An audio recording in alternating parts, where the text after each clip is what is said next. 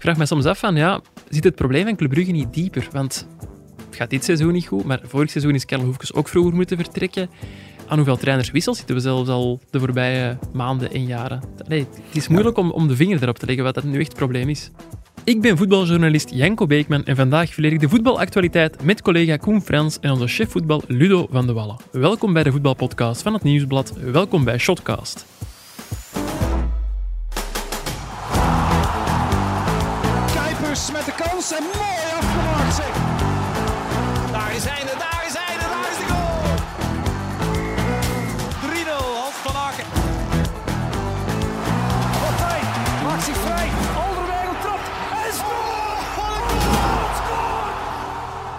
Koen, dag Ludo.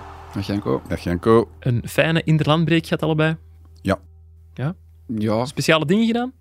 Buiten voetbal gekeken, want er waren, waren veel interlands uiteindelijk. Ja, nu vraagt je wat ik... eh, ik ben dat alweer vergeten eigenlijk, wat ik, wat ik vorige week gedaan heb. ja. En ook misschien meteen een vraagje voor jullie. De, de vraag ananas op pizza, kan dat? Die, die is al vaker gesteld, maar ananas... Nee, pizza in combinatie met iced tea, kan dat volgens jullie? Ik ben eh, fan van eh, cola. Op een of andere manier, als ik pizza eet, moet ik gewoon cola drinken. Heb ik, heb ik eigenlijk met frieten ook. Ik, eh, ik heb daar geen verklaring voor, want ik ben, ja, ben wel een cola drinken, maar nu niet heel frequent. Nee? Maar pizza is met cola. Oké, ik vraag het omdat Frank Raas eh, zondag na de wedstrijd uh, Cercle Brugge-agent Miron Muzelic, de coach van Cercle, interviewde. En vroeg naar de ambities van uh, Cercle Brugge nog dit seizoen. En dit was het antwoord van uh, Muzelic. What's uh, next? Do you want to reach the, the top six? No, my father is here coming straight for Boston. I'm going to have a pizza with my father and an iced tea. That's my next goal. Bon, die heeft dus uh, gezellig pizza en iced tea En kunnen uh, jullie genieten eigenlijk? met, uh, eh, als, jullie, als je pizza eet, wat, eh, wat, wat eet jij dan? Ik uh, drink eigenlijk dan? alleen bruiswater. Ik drink Wat, geen wat, wat frisdrankje. drink ik dan? eh? Ah, sorry. Ja, ik drink alleen bruiswater, geen frisdrankje. Nooit van je leven. Nee, alleen soms Nalu. En ook ja, cola uh, bij rum. Niet, Bij de pizza? Puur cola. Nee, nee, nee, Cola. ja, nee ja, als ik, ja, als ik fris drink is het met sterke drank. Ik drink ook gewoon water, denk ik, als ik een pizza eet. Maar zijn, Ja. we, niet, zijn we niet aan het afwijken? zeggen, ja, we gaan direct over voetbal praten, kon geen probleem. Maar als ik dan toch pizza eet, als ik kan kiezen, eerder een glas wijn. Ro- rode wijn. Vind ik er ook wel bij Noblesse oblige, eh, Janko. eh. Ja, ja, ja, zoiets. Goed, ik stel voor dat we het eh, zo snel mogelijk over voetbal gaan hebben. Ik kreeg gisteren een WhatsAppje van onze chef voetbal en hij zei: Ik heb hier de match van het jaar gezien. Dus kunnen wij niet anders dan het uh, meteen hebben over Standaard Anderlecht. Een wedstrijd die eindigde op 3-2. En Ludo, als ik uw commentaar in de krant zo heb gelezen, dat moet de strafste sfeer geweest zijn die jij in jaren hebt meegemaakt. Ja, ik heb het hier al eens gezegd in de shotcast. Dat het strafste wat ik ooit in een Belgisch stadion heb meegemaakt was 2008. Toen Standaard de titel pakte tegen Mhm. Anderlecht, uitgerekend in die wedstrijd. En gisteren, dat eerste kwartier na de, na de kampwisseling, was het ook van dat. Dat was echt fantastisch. Kippenvel, allee, ja, goed. En ja, op een of andere manier kan Standaard dat eh, veroorzaken. Door, door dat, die, die geluiden die ze dan maken en bij elke bal die wordt gespeeld, wordt er geroepen. En dat geeft mij altijd een warm gevoel. Ja, en, en wat maakt dat in standaard zo, zo, zo kan? Is dat dan ja, die steile tribunes? Hoe verklaart je dat? Ja, ik, ik weet dat uh, Guillaume Maben het ooit eens heeft gezegd van DNA van clubs. Mm -hmm. uh, dat telt niet, uh, dat speelt niet, dat speelt wel. Het DNA van Standaard is dat. Als die kleedkamer uitkomen met een 0-2 achterstand, zoals, zoals zondag het geval was, dan dan voelt je aan die supporters dat die er nog in geloven. En ja. dat speelt ongetwijfeld een rol bij die spelers ook. De eerste keer dat die de bar raken, die komen op het veld en ze beginnen al te roepen, ja, kom on. En, allee, in het Frans dan waarschijnlijk. Kom on. kom on. Allee. En dan, uh, ja, dat, dat moet meespelen, want we hebben het al veel te veel meegemaakt bij Standaard, dat ze uit zo'n situaties terugkeren, dat die sfeer hels wordt. En gisteren was dat fantastisch. Ja, wel straf dat Anderlecht zich daarin laat meeslepen. Want volgens mij heeft Anderlecht ondertussen de meest ervaren ploeg uit de Jupiler Pro League. Als je ziet wie er allemaal op het veld staat, Schmeichel, Rits, zelfs Dolberg, Jan Vertongen. Ja, is het dan niet een beetje schandalig dat dat nog gebeurt? Ja, maar uh, de eerste helft was zo makkelijk gegaan voor, voor Anderlecht. Ik zeg niet dat ze, dat ze beter waren of, of weet ik wat, maar elke, elke keer als ze op doel trapten, was het bijna doel, doelpunt. En de laatste fase voor de rust was dan na, nadat ze 45 keren de bal hadden geraakt, dat Hazard er een fantastisch schot gaf, mm -hmm. heel goed gepakt door Bodaar. En dat zij dan op dat moment misschien wel voelden van, ja goed, dit is hier uh, kat in bakkie. En ja, eh, het schijnt ook dat de stroeikjes en... Ja. eh, Maakte een beweging met zijn hand na die knappe aanval van Ja, ja, 45 ja. passes richting, eh, richting de bast, volgens mij. Ah. Zo om te zeggen van, oh la la, amai, ja het, gaat, het gaat hier fantastisch goed. En misschien sluipt dat dan ook wel in die ploeg. Zou niet mogen natuurlijk, als we Casper Schmeichel, Vertongen, Torgan Hazard allemaal in die ploeg zien. Dan zou dat eigenlijk niet mogen. Maar blijkbaar is dat dan toch, toch gebeurd. Iets te arrogant misschien. Waarschijnlijk. Maar Wat- je weet ook gewoon, in zo'n match, als dan snel na de rust in 1-2 valt, dat zeiden ook al die spelers van Standaard, ja, dan, dan voelt je dat er iets kan gebeuren. Als die een 1-2 langer uitblijft, dan weet ik niet of, of Standaard er nog, er nog naast in overgaat. Maar die- die, ja, die viel 1-2 zo snel. Die 1-2 komt er wel. En dat komt ook wel door die supporters. Ja, dat die, naar voren dat ze op het veld komen en dat, die- dat die beginnen te roepen. En dat die aan die spelers laten zien, jongens, het is niet gedaan. En eh Karel Hoefkes zei dan op de persconferentie, ja, ik heb ze er tijdens de rust op gewezen, dat, ze- dat ze er nog moesten in geloven. Alle respect voor Karel Hoefkes en alle trainers die, die zitten te roepen tijdens de rust. Maar het zijn die supporters die het hebben gedaan. Maar hij zei ook nog, zelfs al zou het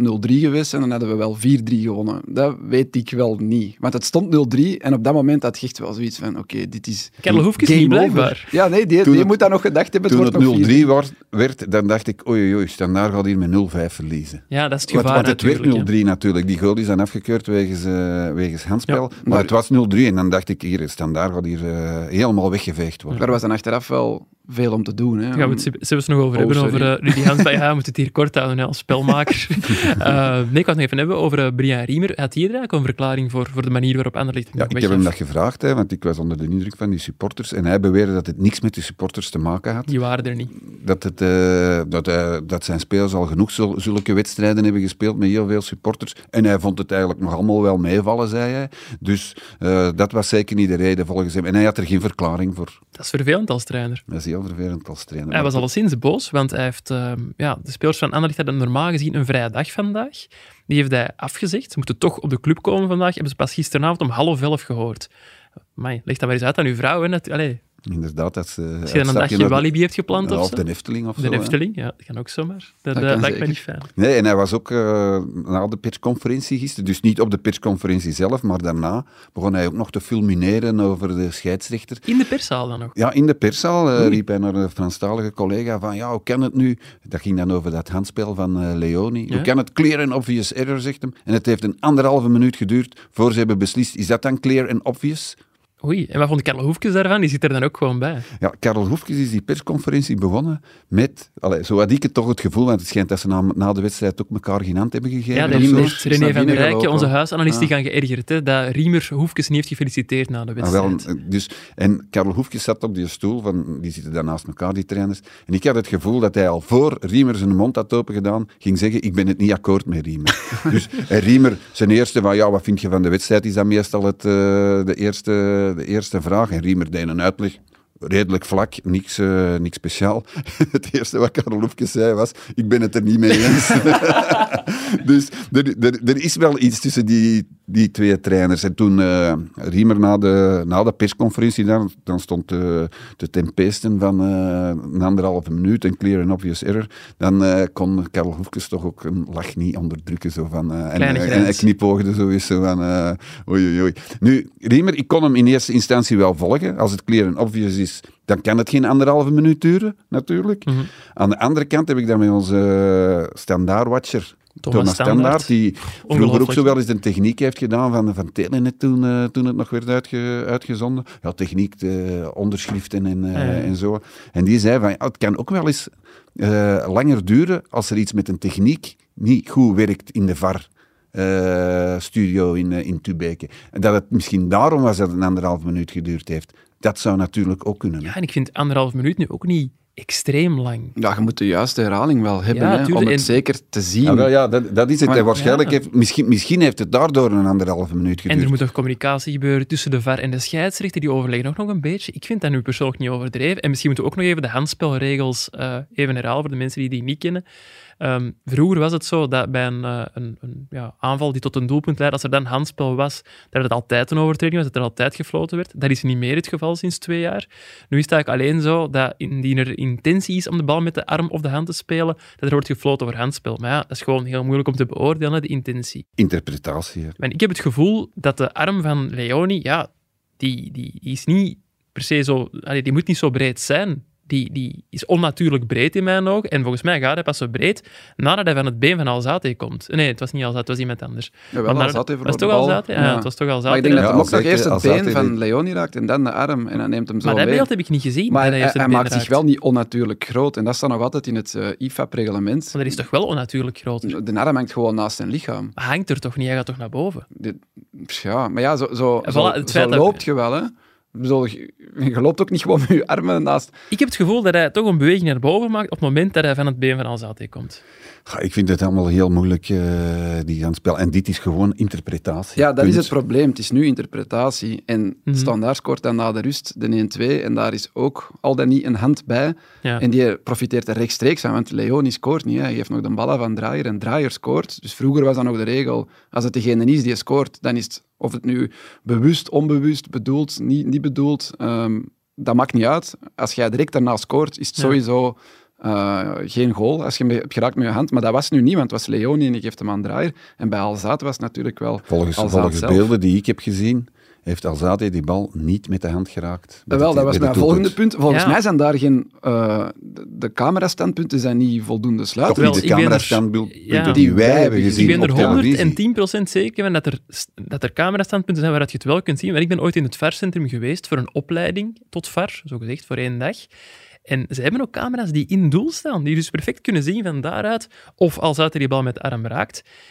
Ik mag hopen dat de VAR die wel heeft gezien, dat eh, het referee department daar straks duidelijk over gaat communiceren. Van, ja, hij heeft de bal niet met de hand geraakt.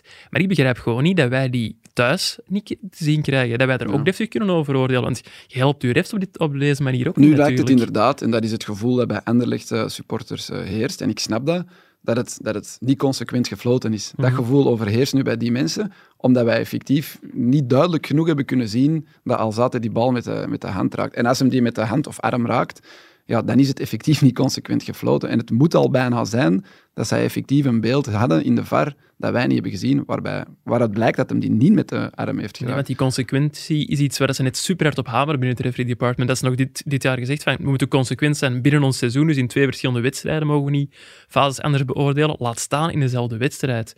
Dus het kan gewoon niet anders dan dat ze een beeld hebben. En dan hadden we nog een derde fase, waar ik eigenlijk, ja, dat vond ik het meest flagrante, want dat had niks Dolberg met, van Heusden? Ja, dat had niks met handspel te maken, ja.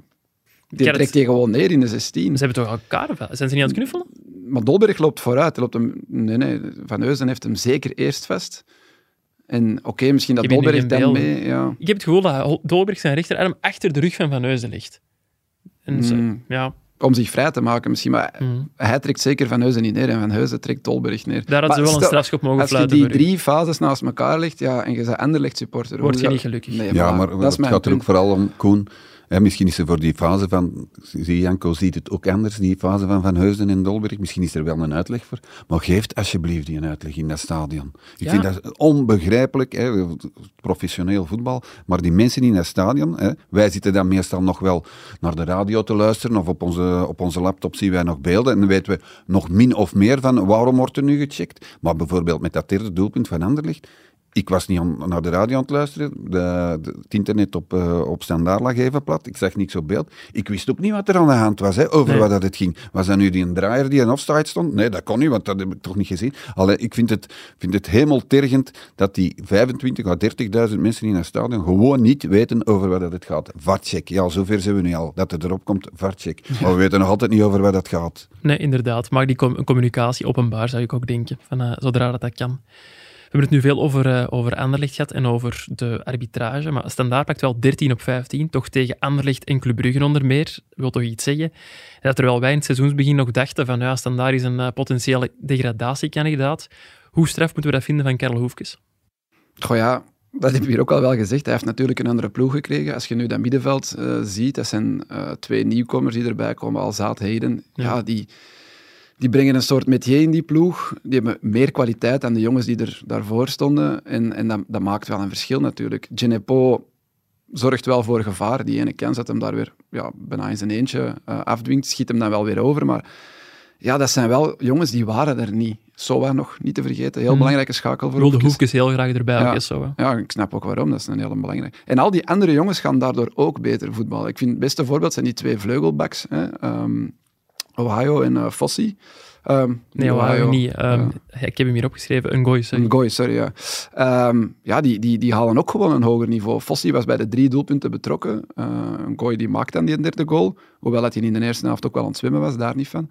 Maar je merkt gewoon dat al die spelers die wij in het begin van het seizoen zo, mm, ja, nee, misschien net niet. Maar ja, die, die, die spelen nu gewoon beter, omdat er andere betere spelers een beetje de druk wegnemen van, van, van hun ja, spel. En Genepo is misschien nog niet op niveau, alhoewel beweging dat hij doet, ik zie ja. dat wel heel graag. Ja. Maar is nog misschien nog niet op niveau, maar het is wel beter dan hetgeen wat ervoor stond. Het kan aan voorbij gaan. Ja, wel, ja, maar het is, hij is gewoon... En hij kan beter. Hè, dat zijn vier, vijf spelers die er zijn bijgekomen. Dat is een ja. halve nieuwe ploeg. Maar dan nog, dan nog blijft het wel straf, want op papier zou je nog altijd zeggen Anderlecht en Club Brugge hebben een betere ploeg, denk ik. En hij wint er wel twee keer van, van allebei. Ja, dat is wel knap. We hebben het nu over de fans en terecht, want het publiek op Sclessin is indrukwekkend, maar hij wisselt bij de rust ook wel. Hij stuurt om naar een viermansverdediging. Dat zijn toch ook ingrepen waar je de hand van Hoefkes in ziet, denk ik dan. Ja, ja, ja, natuurlijk. Ik kan hier niet zeggen dat nee, Hoefkes nee. daar niks mee te maken heeft. Maar het zijn toch wel... Allee, dat vond ik nu tijdens de... Ja, ja. Na de wedstrijd, ik, ik, heb het er met die Snelders ook over gehad.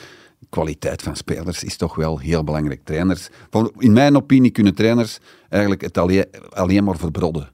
En dat is door, door, ja, door dingen te doen waarvan je zegt, allee, ja goed, hij wil hier zich profileren. Maar als je als trainer normaal doet en je hebt goede spelers, dan ga je altijd uh, goed presteren. Het mooie was wel dat in een gooi, ontwapenend nog, die kwam als man van de match uh, naar het tafeltje bij Dave Peters. Dat was een mooi interview, hè? Ja, en die zei ook gewoon, ja, we waren eigenlijk verrast in de eerste helft. Ook door de Hazard niet op links bleef hangen, maar nee, veel naar rechts kwam.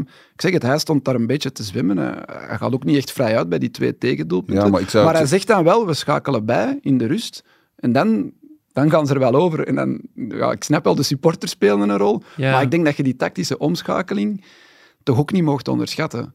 Maar daarbij ook wel zeggen van, ja, hoe kun je nu nog verrast zijn op dit niveau door, door een tegenstander? Eigenlijk ze- zeggen ze, de eerste helft stonden we gewoon slecht.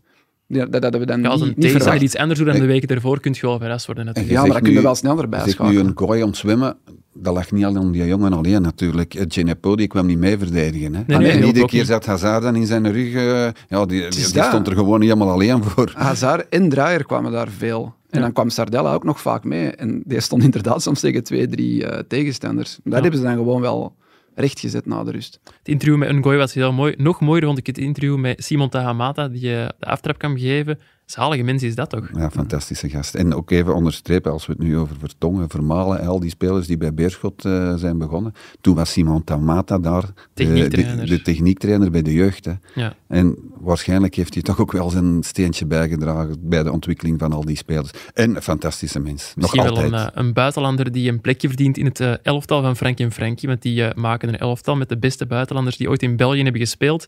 En ik zag die naam gisteren toch al passeren in onze WhatsApp-groep. Hij heeft, heeft nadeel dat hij natuurlijk een aanvaller is en er zullen er wel meer eh, voor in aanmerking komen. Je weet, Janko, wie dat er zeker moet in staan. Hè? Juan Lozano, was dat een, En, en nog een, hè? Hans-Peter Leenhoff ook. Hans-Peter Leenhoff. was een linksbuiten? Want ik heb, ik heb die ook nooit zien spelen. eh. Tamata. Ja. Ja. links of rechts. Hè. Ja. Dat is wel de positie van Wel flankspeler. echt, hè. Lozano eigenlijk. Nee, nee. Lozano ook was- links? Nee, nee, Lozano speelde centraal. Op de tien, hè. Heeft hij nog niet links gespeeld? Ah, nee, heeft...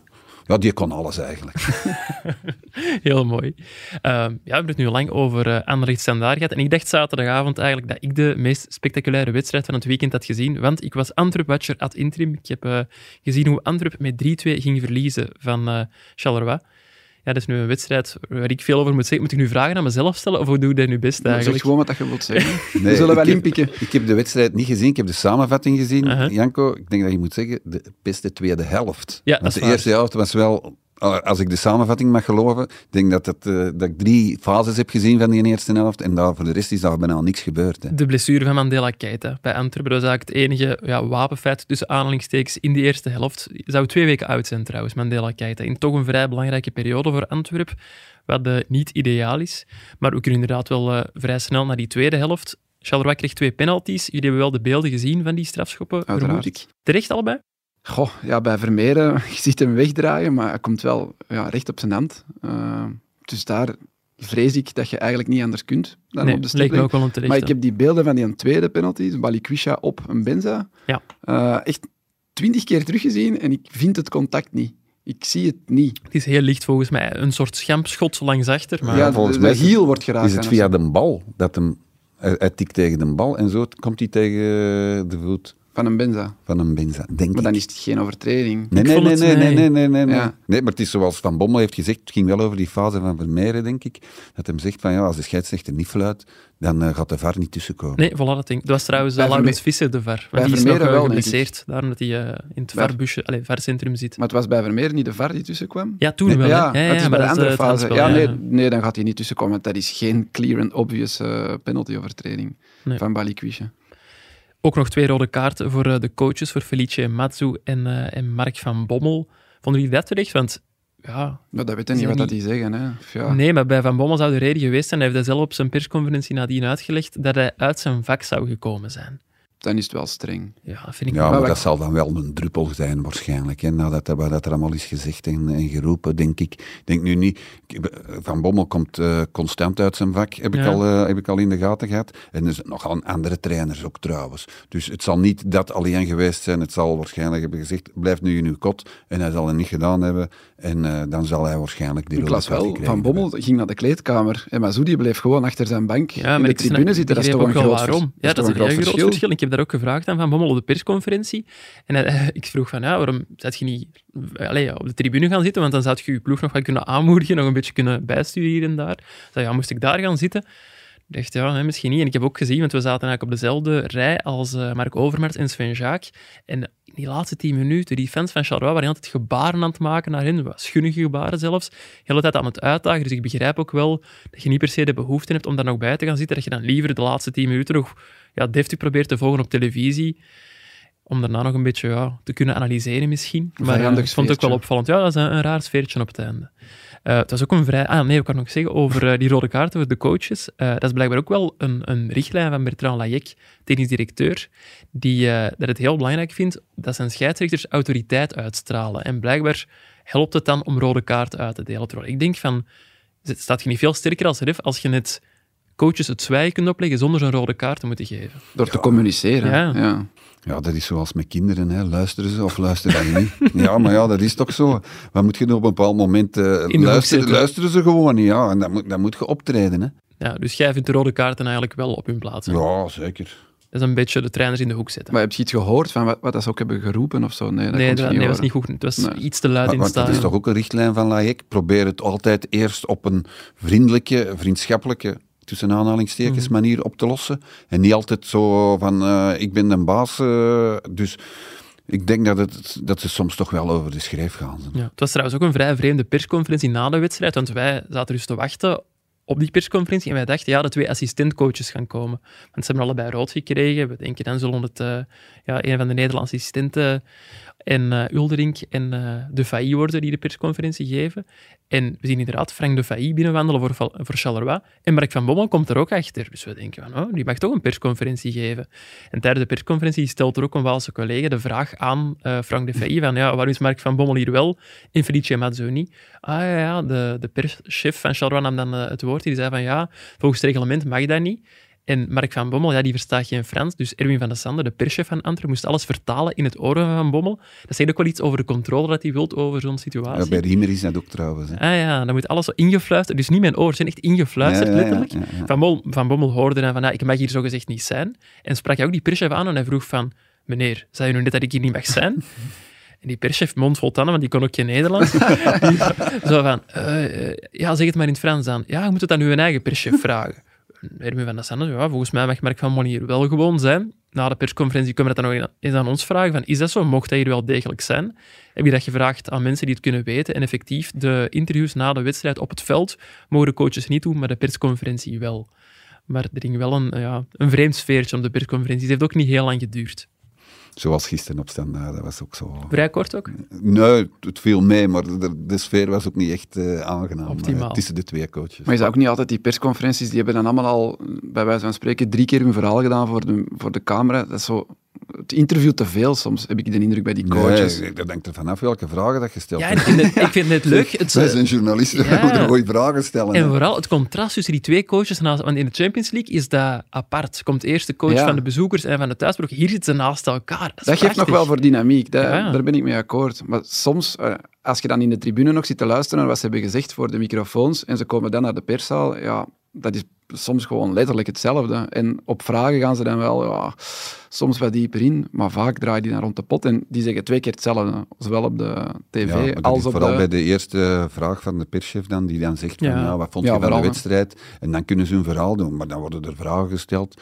En dan de manier waarop ze reageren en de, en de woorden die ze gebruiken, vind ik altijd wel heel interessant. Ja, ik ben ook een grote fan van, eh, van persconferenties. Alleen niet van persconferenties met een mic- Ik praat niet graag in een microfoon, heel iro- ironisch is voor iemand met een podcast. Maar zo, ik heb liever dat er geen microfoon is. Over het sportieve bij Antwerp. ehm, het lijkt me wel een voordeel ja, tegenover Club Brugge bijvoorbeeld. Daar is het volgens mij niet zo duidelijk van waar is nu het probleem van Club Brugge. Het gaat van achter niet goed, het gaat van voor niet goed. Terwijl bij Antwerp ziet je wel waar het schoentje wringt of knelt. Het is, voetballen niet slecht, ze bouwen niet slecht op. Maar vanaf dat ze aan de 16 komen, creëren ze geen kansen niet meer. Nee. Het is alleen, in mijn ogen, wacht Mark van Bommel veel te lang om daar iets aan te doen. Want hij blijft maar vasthouden aan Balikwisha, aan Mouya. Terwijl eh, zaterdag was, viel Ejuke en Irine Kina in. Goed in zelfs. Die brachten voor, voor mij veel meer energie, veel meer schwung, veel meer drive. Maar die krijgen nooit eens een kans in de basis. En Hoe was Vincent Janssen? Want ik heb ook alleen maar de samenvatting gezien. ik vond Jansen ook niet super. Die kan wel een bal bijhouden en zo, maar dat oogt allemaal zo... En is met twee gewoon, met twee spitsen bijvoorbeeld. systeem. Maar ik vind het systeem niet slecht, want in de opbouw Alderweireld en crosspaas komen dan Keita in de opbouw echt heel goed aan speelbaar, bouwt ook goed mee op. Maar vanaf dat die bal bij die flanken komt, er komt te weinig gevaar. Moeja gaat eens geen man voorbij, Balikwisha is veel te wisselvallig. En als je dan die Ejoke zag invallen, die kan wel een man voorbij gaan. En toch ge- geeft hij die geen basisplaats. En ik vrees dat Mark van Bommel een beetje leidt aan het ja, zo Roberto Martinez-syndroom, dat hij te hard wil vasthouden Aan de aan die, mannen die hem de dubbel Mm. hebben bezorgd en daar nog niet durft te wisselen. Ja, zou je dat nu durven zeggen? Want hij heeft toch Vermeeren ook gebracht, hè? Vorig jaar. Omdat het niet anders kon op dat moment, denk ik. Want Nangolan was toen naar de beker ingezet, als ik mij niet vergis. Nee, toen nog niet, hè. Nog, of nee, of Yusuf was... Er was alleszins een reden om Vermeeren te Ja, zetten. Ik denk dat Yusuf geblesseerd was. Nee, dat Yusuf ja. geblesseerd was, die nu trouwens niet mocht invallen bij de blessure van Kuyt, wat ik ook wel vreemd vond. Uh, maar het is toch vreemd dat hij voorin niet wisselt. Die Eeuge heeft echt wel iets, hè. die kan een man voorbij gaan. Iets wat ik Moeja nog niet Ja, vaak dat heb zien dat vond ik al in, helemaal in het begin van het seizoen. In de 6-0 thuis tegen Kortrijk viel die in. En Ja. die deed daar een paar acties dat ik dacht, hmm, die, die gaat wel zijn kans krijgen de komende weken. Maar we hebben die effectief heel weinig gezien. Maar dat zal wel gebeuren, hè. Ik denk, Ik denk, ik denk, Het zal wel moeten, denk ik. Goed, dat zijn nog twee jonge gasten ook, hè. Die, eh, die Eeuge niet meer Nee? super jong, nee, nee, nee, Ja. want die heeft al in Moskou gezeten, volgens mij. Hij heeft ook al eh, in Ze Nederland missen, gezeten. ze missen daar ook iets op het middenveld, zo een beetje creativiteit. Calvin Stengs, hè. Ja, inderdaad, Calvin Stinks. We moeten nu van Calvin Stinks vorig seizoen ook niet de allergrootste eh, speler maken, want die heeft ook zijn matchen uitgekozen. Maar zoiets missen ze wel. Zo af en toe zo is echt een prik. Niet altijd dat zoomen zoals een bij rond die dingen, maar ook eens af en toe is Ja, echt prikken. zeker. De voetballer een tien ook. Want nu, Ekkelenkamp, ik, ik hoor en lees daar wel veel kritiek op van, van de Antwerp-fans. Dat dat... Allee, die maakt een goede goal hè, en die duikt veel op in de 16, werkt veel, loopt veel, maar dat is zo net niet, joh, allemaal net iets minder verfijnd dan bijvoorbeeld Calvin Stengs.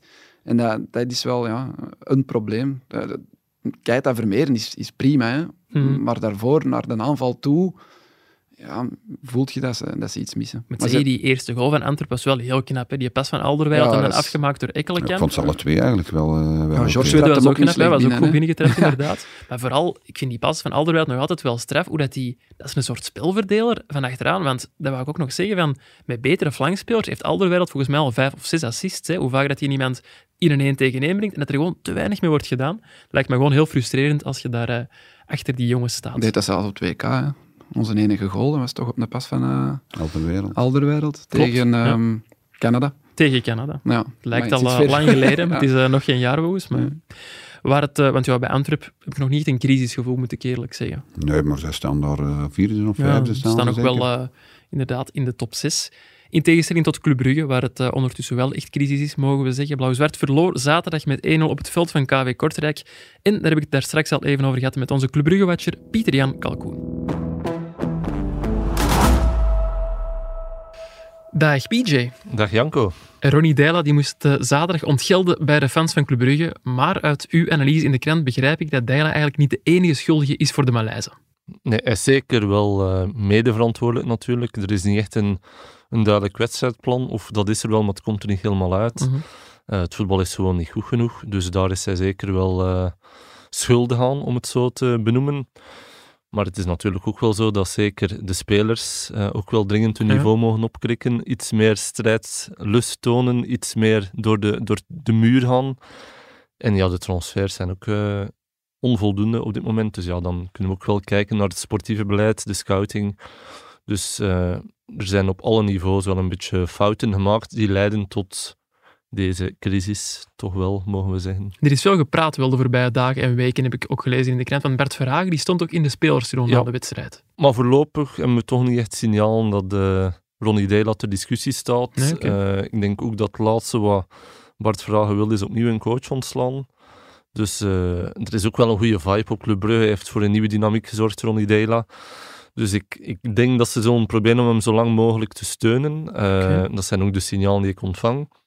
Eh, maar het is natuurlijk wel zo dat de, het bestuur verwacht dat hij snel met oplossingen komt en dat het voetbal beter moet, dat de puntenoogst beter moet. Dus eh, er is wel wat werk aan de winkel. Ja, je, je spreekt over signalen opvangen. Ik moet zeggen, Club Brugge lijkt me geen makkelijke club om die signalen op te vangen. De, de lijnen lijken me er heel kort. Volgens mij zijn er niet veel mensen op de hoogte van dat soort zaken. Nee, en dan is het zaak als journalist om toch in contact te komen met de mensen die het kunnen weten en Mhm. daar een beetje in investeren. Voor mij is het nog eh, moeilijk tussen aanhalingstekens, omdat ik nog maar sinds deze zomer Club Brugge watcher ben en meteen in zo'n crisis beland, wat de werkomstandigheden Ja. ook niet bevordert Het is natuurlijk. leuker als het goed gaat met een club natuurlijk om en dan te werken. is het makkelijker om, om contact te leggen met mensen, omdat iedereen een beetje meer ontspannen is en zo. Maar goed, ik heb het voordeel dat ik toch al eventjes meedraai en dat iedereen mij wel een beetje kent. Dus Ja. Kan wel vrij snel te horen krijgen of dat hij effectief op de web zit. En dat is niet het geval eh, op dit moment. Of dat wordt mij toch zo bevestigd. Eh, ik heb zelf ook niet het gevoel dat dat de goede oplossing zou zijn. Dus die twee elementen samen zorgen er dan voor dat ik schrijf dat hij niet op de web zit. Ik zie dat de collega's hetzelfde doen. Eh, de collega's van het laatste nieuws. Zet je dan blij, Maurice, als je de, de krant of de app open doet en ziet van, ah oké, ze hebben toch dezelfde aanwijzingen als ik. ik zou niet blij zijn mocht er staan dat... Do- Ronnie Della dat- buiten ligt. ja, of dat hij absoluut moet winnen of dat hij ontslagen wordt. Als ik dan schrijf dat er geen aanwijzingen zijn, dan zou het mij een beetje belachelijk maken. Mm. Dus blij, nee. Ik had het gewoon wel verwacht, eerlijk gezegd. Ja, het, eh, Zeker van uw zou stuk. Anders Ja. zouden we het ook niet schrijven, Voilà. natuurlijk. Je hebt hem zaterdag ook gezien na de wedstrijd op de persconferentie. Wat voor indruk gaf Ronnie Dela? Was hij een geslagen hond, bij wijze van spreken? Of klonk Nee, ja. wel strijdvaardig? Hij gaf nog een vrij strijdvaardige indruk. Hij gelooft ook echt wel dat, eh, dat ze uit deze impasse kunnen geraken. Ehm, hij ziet ook voldoende positieve elementen om op voor te bouwen. Ik denk dat hij nog altijd de juiste man op de juiste plaats is, want ik heb hem ook letterlijk de vraag gesteld van kijk coach, je hebt 16 op 33. Snap je dat, Dat jouw goed, positie stilaan in gevaar eh, dreigt te komen? heeft daar heel rustig op geantwoord. Eh heeft me achteraf ook nog laten weten dat hij vond dat dat een terechte vraag was.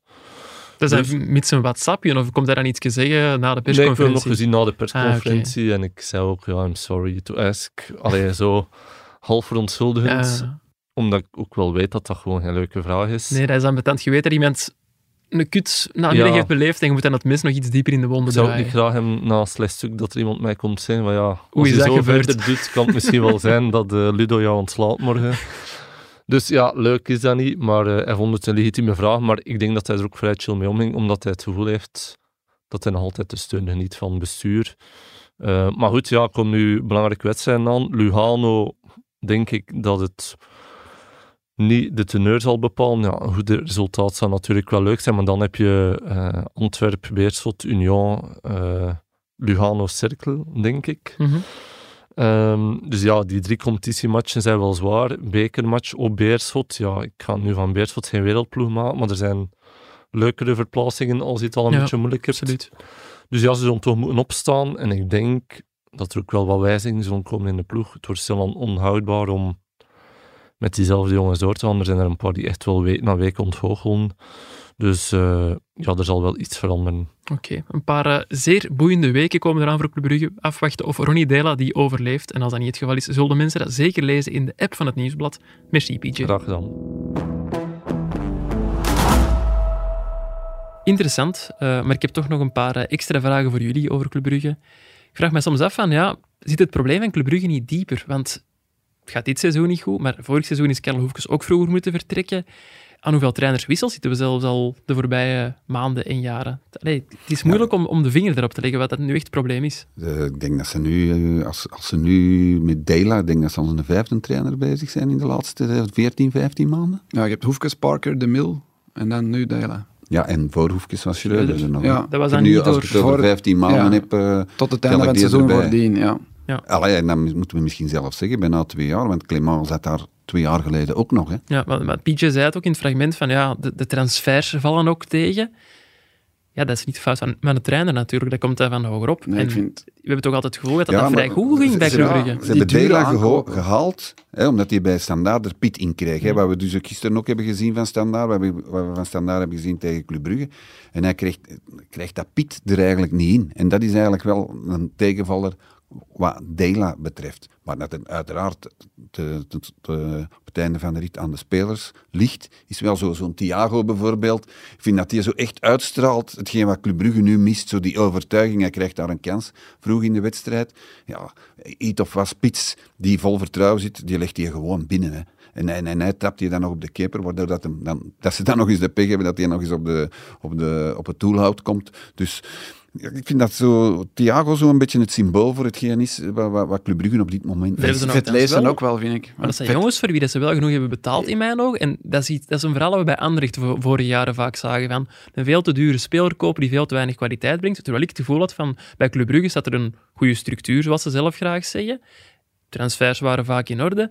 Maar de laatste jaren is er dan toch te vaak naast. Ja, we gaan het nu niet zo extreem stellen als met Jaremchuk, waar ze een recordbedrag voor hebben betaald en die kon echt niks goed doen Mhm. bij Club Brugge. Ik bedoel, Thiago had wel na vijf matchen vier golen of zo. Dat was wel oké, die stond op de juiste plaats en pikte zijn doelpunt mee. Maar het is zoals Ludo zegt, die miste overtuiging in de 16. Ik heb nog geen match gezien van Thiago waarvan ik denk van, amai, dat is echt een topspits. Maar eigenlijk had hij al in de dubbele cijfers moeten zitten. En als je al die zijn kansen na elkaar ziet... En dan Vetleesen, die verliest dan de bal eh, bij het enige doelpunt van de wedstrijd. In het begin van het seizoen ook, oh ja, dat snap ik. Hè, 8 miljoen, terecht, want ziet hij niet aan de bal. Maar Mhm. die wordt ook zo wat uitgespeeld. Ja, vis nog vlees. Eh, die mannen lopen voor het moment niet over van, eh, van het vertrouwen. En dat, dat straalt zich wel ook af op de rest van die ploeg. Ja. Maar het zit ook wel gewoon niet mee. En dat is het probleem een beetje. Vaak zijn ze wel beter dan een tegenstander, creëren ze meer kansen. Maar ze verliezen zoveel punten omdat ze ja, bij de eerste de beste tegenaanval is, is het prijs. En, en ze scoren nu ook gewoon heel moeilijk. Dus. Ja. We hebben het nu eh, lang over de verliezer gehad. KV Kortrijk wel opnieuw gewonnen onder Glendeboek. 6 op 9 ondertussen, gewonnen van Cercle Brugge en Club Brugge. En trouwens ook geen enkele trainer die zijn eh, kledij zo goed afstemt op zijn Rood. club als Ja. Glendeboek. Hè. Vorige keer op Westerlo hebben we zijn schoenen gezien die rood-wit waren en zijn sokken die rood-wit waren. Nu had hij ook een hemdje en een rode trui aan. Ja, en hij gaat dat blijven doen, denk ik. Ik denk dat hij daar ook wel eh, bijgelovig in is. eh. Ja, dat, ja, ja, Zolang het dat goed wel. gaat, gaat hij dat eh, blijven ook doen. zeggen zoals het is, die wedstrijd op Westerlo verdienen ze ook niet van te verliezen. Hè. En dan hadden ze misschien met 7 op 9 gestaan, ongeslagen, onder de boek. En dat hadden we nu toch niet verwacht op het moment dat Stil werd ontslagen en de boek over. Dan we schreven Kortrijk bijna af. Hè. En Ja, spreek voor uzelf, Koen. Ik heb, ik, ik heb hier gezegd, de boek, de eerste weken, maanden, die weet een ploeg te zetten, die kan zo overtuigend overkomen naar zijn spelers toe, dat hem die mannen direct op de rails krijgt. En dat is hetgeen wat nu aan het gebeuren is. Ja. Met de boek, hè. Het komt weer uit. Wat de Ludo zegt, komt weer uit, hè. Dus- Ja, ik hoop dat dit niet uitkomt. Ik hoop het vooral voor de boek dat het niet uitkomt, maar dat hem na een paar maanden weer eh, denkt dat hij de club moet gaan en leiden. dat hij ruzie met iedereen Ja, gaat en dat hij weer eh, ruzie begint te maken met, met Jan en Elleman. En dan zal het weer verkeerd lopen. Maar als hij dit doet, is hij gewoon toptrainer. Ja, hij Kortrijk erin houdt, man, dan doe ik Ja, een beetje af voor, eh ja, voor, eh, voor Glinde Boek. Echt waar. Absoluut. We hebben het al over een paar ploegen gehad die verloren hebben. Topploegen, zoals eh, Anderlecht, Antwerp en Club Brugge. Maar Koen, in het buitenland bewijzen dat het altijd nog erger kan, toch? Ja, ik, ik had van het weekend een stuk gemaakt over Ajax, want die konden dit weekend allerlaatste staan. Ze speelden een degradatietopper tegen Utrecht. En als Volendam zaterdagavond had gewonnen en Ajax zondag had verloren, stonden ze allerlaatste. Gelukkig voor Ajax heeft Volendam niet gewonnen, maar ze hebben zelf wel weer verloren. Dus ze staan voorlaatste op een rechtstreekse degradatieplaats. En dat is ja, nooit eerder ge- gebeurd. Ehm, en ja, er wordt dan toch altijd gewezen naar sinds het vertrek van Overmars. En nadien ook Ten Hag. En nadien ook Van der Sar. Heilige eh triumviraat is niet meer. En, en ja, het kan echt wel heel snel heel hard bergaf gaan. En in Frankrijk heb je Lyon. Ploeg van eh, John Textor. Van John Textor, die daar ook een zeer opzienbarend interview over heeft gegeven.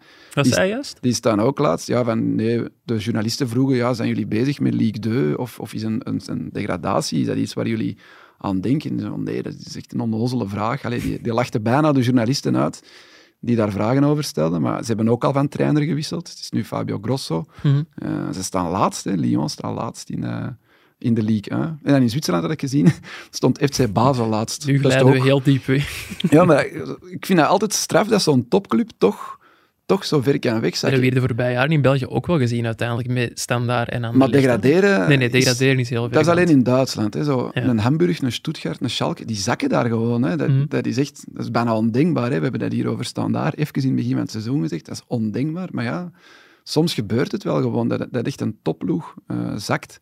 Ik denk nu niet dat ze daar bij Ajax en Lyon echt al rekening mee houden. Het is nog vroeg. Tja, het is, al is bijna, ver. no- het is al bijna november en ze staan wel van onder. Hè. Dus, eh, Basel was 10, 10, 15 jaar geleden. Dat was echt een voorbeeld hè, voor Mhm. zo'n een, een club uit een, uit een klein land. Bayern dat dan altijd zo, zo, zo, zo, zo goed presteerde. Ook in de Champions League wel eens de tweede ronde ge- gehaald en zo. Dus, eh, en nu staan die daar laatste. Ja, straf. Niet alleen Anderlecht, Antwerp en Club Brugge, maar ook Agent, dat met 2-0 verloor van Cercle Brugge, liet punten liggen. Ik ga niet graag mee in de waan van de dag, of toch niet te vaak, maar eh, gaat dat dit jaar dan toch gebeuren voor Union, man? ja, het is de meest constante topploeg. Ja. Eh, je kunt er gewoon niet, niet omheen. Het wordt wat saai om over Union te praten, omdat het is elke week hetzelfde. Plus, plus, ze zijn daar niet eens tevreden over het niveau dat ze halen. Hè. Janko, jij was er vorige week bij toen we tijdens het Mhm. Summit van, van de Pro League met eh Philippe Borman stonden te praten, dus de CEO van Union. Ja, en klopt. Wij, positief zoals we altijd zijn. Hè, van, van jullie, jullie, jullie doen het toch goed, amai, we, zijn, we, we- we schrikken ervan dat jullie, nog slijmballen zo, ook bij. dat jullie nog zo hoog staan. En dan zei die, was, die, was die redelijk nuchter. Die zei, ja, maar ja, we spelen niet goed. Hè. En, Nee, ja, echt en, waar, hè? En in, de, en in de analyse van eh, Blissing, die ik op televisie heb gezien, heeft hij eigenlijk precies hetzelfde gezegd. Zo van, ja, goed, we staan nou wel 2-0 voor bij de rust, maar we waren niet tevreden, want we speelden niet goed. Dus als die dan nog eens goed gaan beginnen spelen... Ja, dat is het gevaar. Als je slechte matchen al wint. Tegen Charleroi bijvoorbeeld, voor de interlandbreak was het ook. Drie keer op een corner of drie keer op een stilstaande fase. Drie keer een kopbal. Voilà, je wint 3-1. Ja, dan wordt, het, dan wordt het wel gemakkelijk natuurlijk. En te winnen zo vlot, zo, Ja, en het ja, is zo natuurlijk zo... moeiteloos lijkt het wel. Dus het is ook zo, als Antwerpen niet presteert, als eh, Genk zo af en toe eh, nog eens uitschuift, Anderlecht uitschuift. Want dat was ik nu gisteren wel aan het denken toen op 0-3 stond. Ik denk van ja, als die andere ploegen zo blijven eh, minder re- resultaten opstapelen, ja, dan zou Anderlecht misschien toch nog kampioen eh, kunnen worden. Maar dat was bij de 0-3, die er dan uiteindelijk Ja, ja, ja. in de 0-3 is geworden. En ja, na de, na de rust eh, Dat was de denk- waan- denken we er wel aan. Dat De was waan van de, eerste helft. Ja, de waan van de helft. Ja, maar het verschil tussen Club Brugge en de eerste, Union, is nu even groot als tussen Club Brugge en de laatste. En dat is Westerlo. Dus dat is toch ook wel echt gek. Dat- De kloof is echt al wel negen punten. elkaar. Ja, ja, dat het, is- staat, ja, ja. Het, staat nog allemaal vrij dicht bij elkaar, maar negen punten zijn wel al negen punten voor Club Brugge op Union. Ja, om ik, goed te ik heb het de maken. vorige keer ook gezegd, wij mogen ons eh, handjes kussen met de Jupiler Pro League, waar elke wedstrijd toch moet gespeeld worden. Absoluut. Om een, Een eh, mini Premier League. om, om, om een cliché te gebruiken. Mensen die spelers van Union in hun Fantasy Pro League ploeg hadden staan, die hebben eh, alweer gouden zaken gedaan. Vraag dat maar aan Jeroen Janssens, die speeldag 11 in onze mini-competitie won. De spelers die hem de meeste punten bezorgden, dat waren Cameron Puertas, de assistkoning in de Ju- Jupiler Pro League, en Mohamed Amoura, iemand die we hier al eh, vaak bejubeld hebben. Dat was Eh. mijn captain, maar ja, die begint gewoon op de bank. Ja, jammer voor u. Die, ja, Blessing roteert te veel. Wel streffend, dat hoorden we ook van eh Philippe Bormans, dat het eigenlijk oorspronkelijk niet de bedoeling was om die Amoura te halen. Dat was meer een soort opportuniteit. hè. Ze wilden heel graag een, een iets grotere spits, een sterke spits. Dat moest dan Kevin Rodriguez worden. Vroegen ze veel te veel geld voor, zijn ze beginnen zoeken naar alternatieven. Hebben ze hun oog op Amoura laten vallen, dat een heel ander type is. Konden die dan blijkbaar toch voor een naar marktnormen vrij oké bedrag halen. 4 miljoen, dat is toch veel? Ja, voor maar een spits die je niet je moet nu- Ja, maar als je nu ziet hoeveel hij, kan, hoeveel Ja, hij brengt en wat dat ze er op termijn nog gaan kunnen verdienen, zou ik het misschien ook wel hebben neergeteld. Maar wel straf hoe het zo kan lopen. En eh, iemand dat ook ooit aan eh, Union gelinkt is, is eh, Kevin Denke van Cercle Brugge. Die nu topschutter is, hadden ze dus ook vrij goed gezien. Wel straf dat hij nog wel bij Cercle Brugge zit, denk ik dan. Goh ja, dus vorig jaar een beetje in de schaduw van, van Ueda. Ueda is weg, hij is nu de man daar. Ja. Maar dat hij zoveel doelpunten ging maken en zo belangrijk ging zijn, had ik nu ook wel niet verwacht. Hoe noemen we eh, de topschutter nog, trouwens? De Gouden Stier. Nee, niet meer. hè. Die bestaat dus niet meer. Ah. Koen van Uitvangen, onze ja, agentwatcher die dit weekend een interview deed met Kevin Denki, die eh, vertelde dat daar straks. Dat, eh, ja, vroeger was Jupiler de sponsor van de, van de topschuttersranking. Nu niet meer. Eh, dus is de stier ook verdwenen. Wat is het dan nu? Gewoon de Pro League topscorer of zoiets. En hebben die nog zoiets op de rug, toch? Er staat een logo op, maar dat is gewoon een logo van de Pro League, dus geen, eh, geen Ah. stier meer. Wat ik toch jammer vind. Een beetje... Goh, ja, ik vond dat wel heel rare shirts met die gouden stier Ah, ik vind dat op de wel rug. cool. Ja. En was er dan voor de beste assistgever ook geen ander shirt? ja, maar dat was niet zo cool. Ah. Dat was geen stier. Ja, was een koe of... Gaaf, nu dat je dat zegt, die gouden stier bestaan niet meer. Dat is me totaal ontgaan. Ja, daar hebben we Koen van uitvangen voor. Ja, dat is maar, die marketing van Jupiler gaat toch nog beter. Hè, want... Trouwens, Kevin Denky eh, scoorde ook tegen eh Agent, de tweede goal van Cercle. En eh, daar heeft ook Koen Verdruijen, een andere Koen, onze Cercle Brugge watcher, mogen horen. Ehm, ik zal Koen anders zelf laten uitleggen hoe dat juist zit. Ja, Janko, cirkelfans kunnen eh, ludiek zijn, maar ook heel fanatiek. Maar ze hebben wel allemaal smaak, want eh, velen lezen het nieuwsblad. En dat geldt ook voor Geert, een eh, iets wat oudere, heel sympathieke bruggeling die samen met zijn kameraden in de buurt van de perstribune zit. Ik heb daar een leuke anekdote over. Tijdens de zomermercato waren veel spelers van Cirkel fel gegeerd. Ik denk maar aan de UE, dat de man, maar ook Lopes en Dinky. En dus maakte ik een stuk waarbij ik een inschattingspercentage gaf hoe groot de kans was dat iemand zou vertrekken. En bij Dinky gaf ik 60% kans dat hij vertrekt. Nu, uiteindelijk eh, bleef hij gelukkig voor Cirkel en de fans en is hij topscorer. En ik kan het weten, want eh, elke keer ik eh, druk mijn tekst aan het intikken ben op de perstribune en Dinky gescoord heeft en Cirkel wint, schreeuwen Geert en zijn vrienden naar mij. Hoezo Koen, Dinky weg? Hij is hier nog altijd, hij heeft gescoord, eh, hij is topscorer, Cirkel staat vierde. Neem maar je groene pen en noteer het alvast maar. Dus eh, het is wel leuk eh, en plezant om te zien hoe mensen genieten van een ploeg en ook van een krant.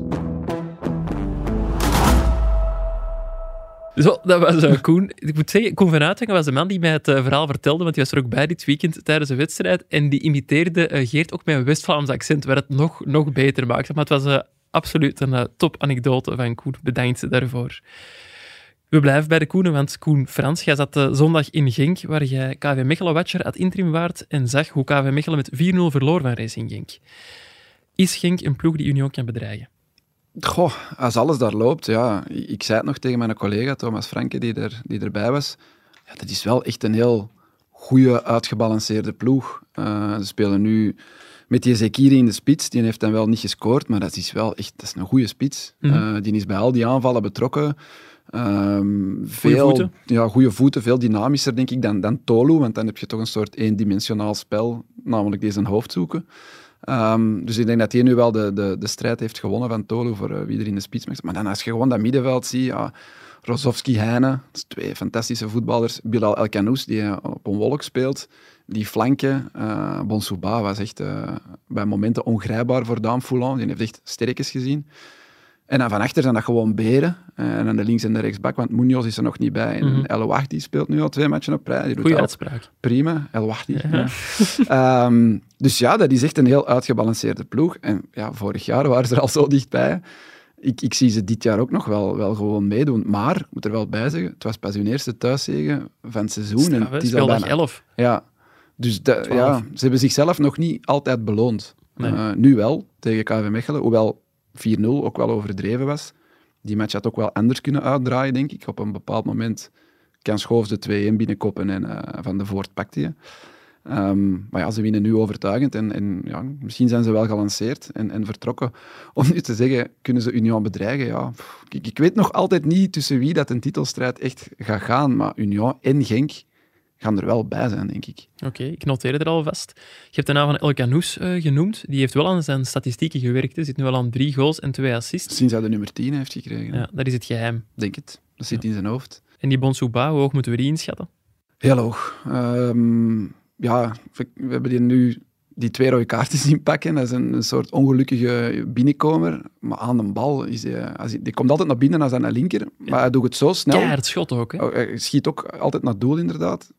Op den duur werd het wel voorspelbaar. Mhm. Maar in het begin van de match, ja, hij kan het zo flitsend snel uitvoeren. Een beetje zoals Doku, waar je ook vaak Ik weet... dat je Arjen Robben ging zeggen. Ja, f- ja, Maar het is anders. Het is minder krullen, het is meer Ja, knallen naar doel. het is meer knallen, ja. En Doku heeft minder dat... Allee, die is heel goed bezig, vooral de duidelijkheid bij City. Maar die had bij Anderlecht, toen hij begon, minder dat schot. Die kwam meer naar binnen dribbelen en hij gaf dan een, een klein voorzetje ik. Ja, inderdaad. Minder dan Bonsouba, toch? Ja, En die Bonsubai is nog maar 18, hè, dus eh, En ja, die- ik vraag die- daar wel veel Die van. heeft hè. de kracht, hè. Ja. Een Ja, ja. stevig ventje. Ik denk niet dat je die gemakkelijk opzij zet. Wat je bijvoorbeeld wel met Doku had toen die 17 zwaar, jaar die was als je- lichter misschien. Ja, die was, die was lichter. Dus die Bonsuba, dat is eh, inderdaad ook een sensatie. Maar ik denk wel, die gaan nog vaak in die situaties komen dat er aan hem wordt gehangen, dat er fouten op hem worden gemaakt. En hij moet zich wel leren beheersen, want dat kan zo molenwieken om zich vrij te maken soms. Hij heeft er al eens een gele kaart, of een rode kaart, rechtstreeks een rode kaart ik voor moet wel zeggen, twee keer rood, maar ik heb geen enkele keer het gevoel gehad van hij geeft hier een, echt een slag of zo. Het was twee keer zo Nee. een randgeval bijna, Maar dat is, waar rood kwam- wel heel streng Die was. kwam daarna ook in de mixzone. Dat is een hele brave jongen. heeft superleuke interviews. Ook geen heel vuile speler, totaal niet. spontaan. Dus ja, het is nu jammer dat hij gewoon eigenlijk al met twee keer een rode kaart eh, van het veld is gestuurd. Want het past niet echt bij hem. Maar ik denk wel dat hij nog veel stampen gaat krijgen eh, in de Jupiler Pro League. En als hij daarna een transfer maakt naar een, naar een hogere competitie, denk ik ook dat ze hem altijd wel gaan, gaan blijven viseren. Ja, en hij moet dan leren zich te beheersen. Dat doet is- me denken aan die Bailey dat er ooit is geweest, enkele Ja, jaren geleden, die eh, Jamaicaan. Mhm. Eh, of van ook, ook altijd naar binnen komen ja, en met links Ja, uithalen. hetzelfde. En ook, Ja. ook bijzonder krachtig, hè. Ja, ja. absoluut. En ook snel, hè. De, Daan Foulon is nu geen trage, denk ik, maar die werd er soms wel echt gewoon ongenadig uitgelopen. Het zou ons ook kunnen overkomen. Ja, dat zeker. KV Mechelen staat door de overwinning van OHL tegen Sint-Truiden ondertussen wel op een degradatieplaats. Steven de Voer, leek die zich zorgen te maken na de match? Ja, ik, ik, ik had niet die indruk. Ik heb ook Rob niet Schoofs... Ja, Allee, of misschien wel. nee, omdat, ik, ik snap het wel. Ze, ze, want ze speelden goed mee. Eh, bij momenten aan de bal is er wel kwaliteit, maar ik vind ze wel een beetje naïef spelen. Te denken dat ze, dat ze ja, van achteruit kunnen uitvoetballen en dan tegen Genk, wat ik net zei, een heel goed Mhm. uitgebalanceerde ploeg is, dat ze daarmee van Genk zouden kunnen winnen. Ja. En dat hoorde ik ook wel zo wat, hè, bij onze andere KV Mechelen-watcher, bij wat supporters van ja, we zouden toch eens wat cynischer mogen spelen en wat meer op resultaat, zeker op verplaatsing.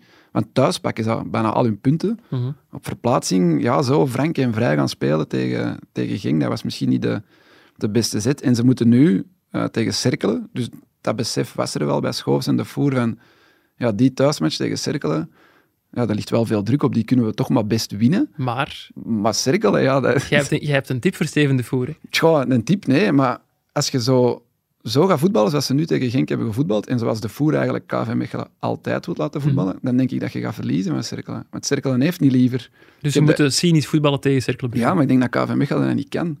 Die, die hebben allemaal goede gasten, stevige voetballers wel, maar ja, geen klootzakken. Geen, geen mannen met een over, een, over mijn lijk Steven de. Voer moet zichzelf op het veld zetten. Ja, of dat hoor ik ook, die een Bates. Ze hebben 9 op 9 gepakt. En dat was met die een Bates. Dat is veruit de minst goede centrale verdediger van KV Mechelen. Maar ja, ik denk dat je daar als spits niet zo graag tegen staat. En bij Van Lerbergen en Cobbout, die aan de bal volgens mij beter zijn, heb je dat wel. Want die, ja, dat, dat zijn voetballende verdedigers. En ik denk dat die nu gewoon een knoefter van een verdediger moeten opstellen.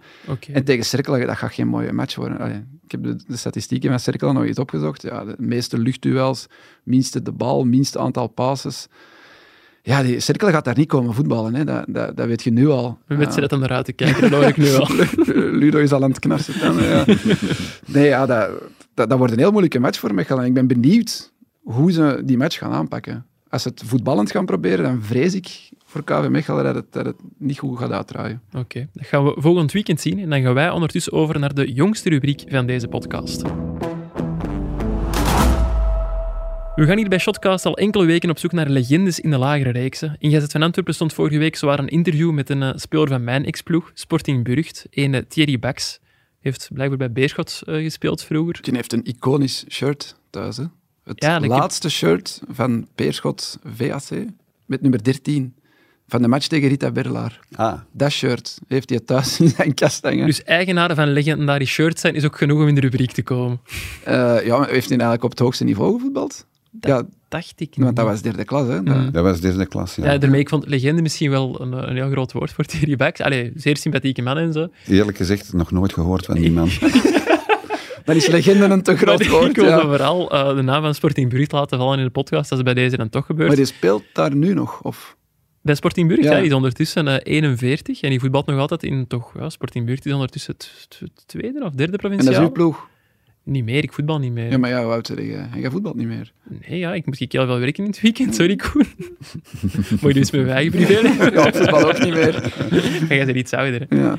Onze collega Kurt Vermeers die liet mij dan weer weten dat de Renato Neto, ex-agent in KV Oostende, nog bij KSC Blankenberge voetbalt in de lagere reeksen. Dat is eh, ook leuk om te weten. Die kunnen we dus tegenkomen in West-Vlaanderen.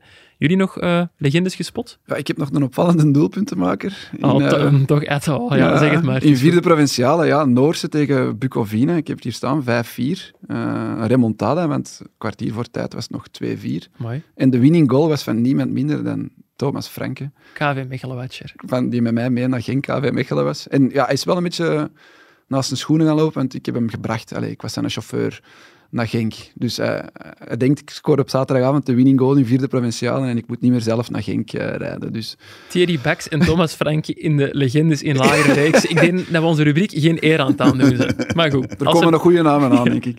als er mensen zijn die nog legendes hebben gespot, mogen ze dat laten weten op shotcast.nieuwsblad.be. En dan kunnen wij over naar onze afsluiter. Koen Ludo, wat staat er voor jullie nog op de planning deze week? Wat is Champions League zeker? Ja, morgen heb ik een interview Oh. met de drie eh, legendes uit Nog het geen Belgisch namen noemen? voetbal. Nee, dat... Ja, dat, dat kan eigenlijk wel. Ja. Jan Oké. Keulemans, Walter Meeuws en Patrick Goots. Jan Keulemans, dat is de nieuwe vriend van Koen Frans. Ja, vraag hem eens eh, of het hem een buitenspelval van eh Westerlo Kortrijk ondertussen al eh, begrepen heeft.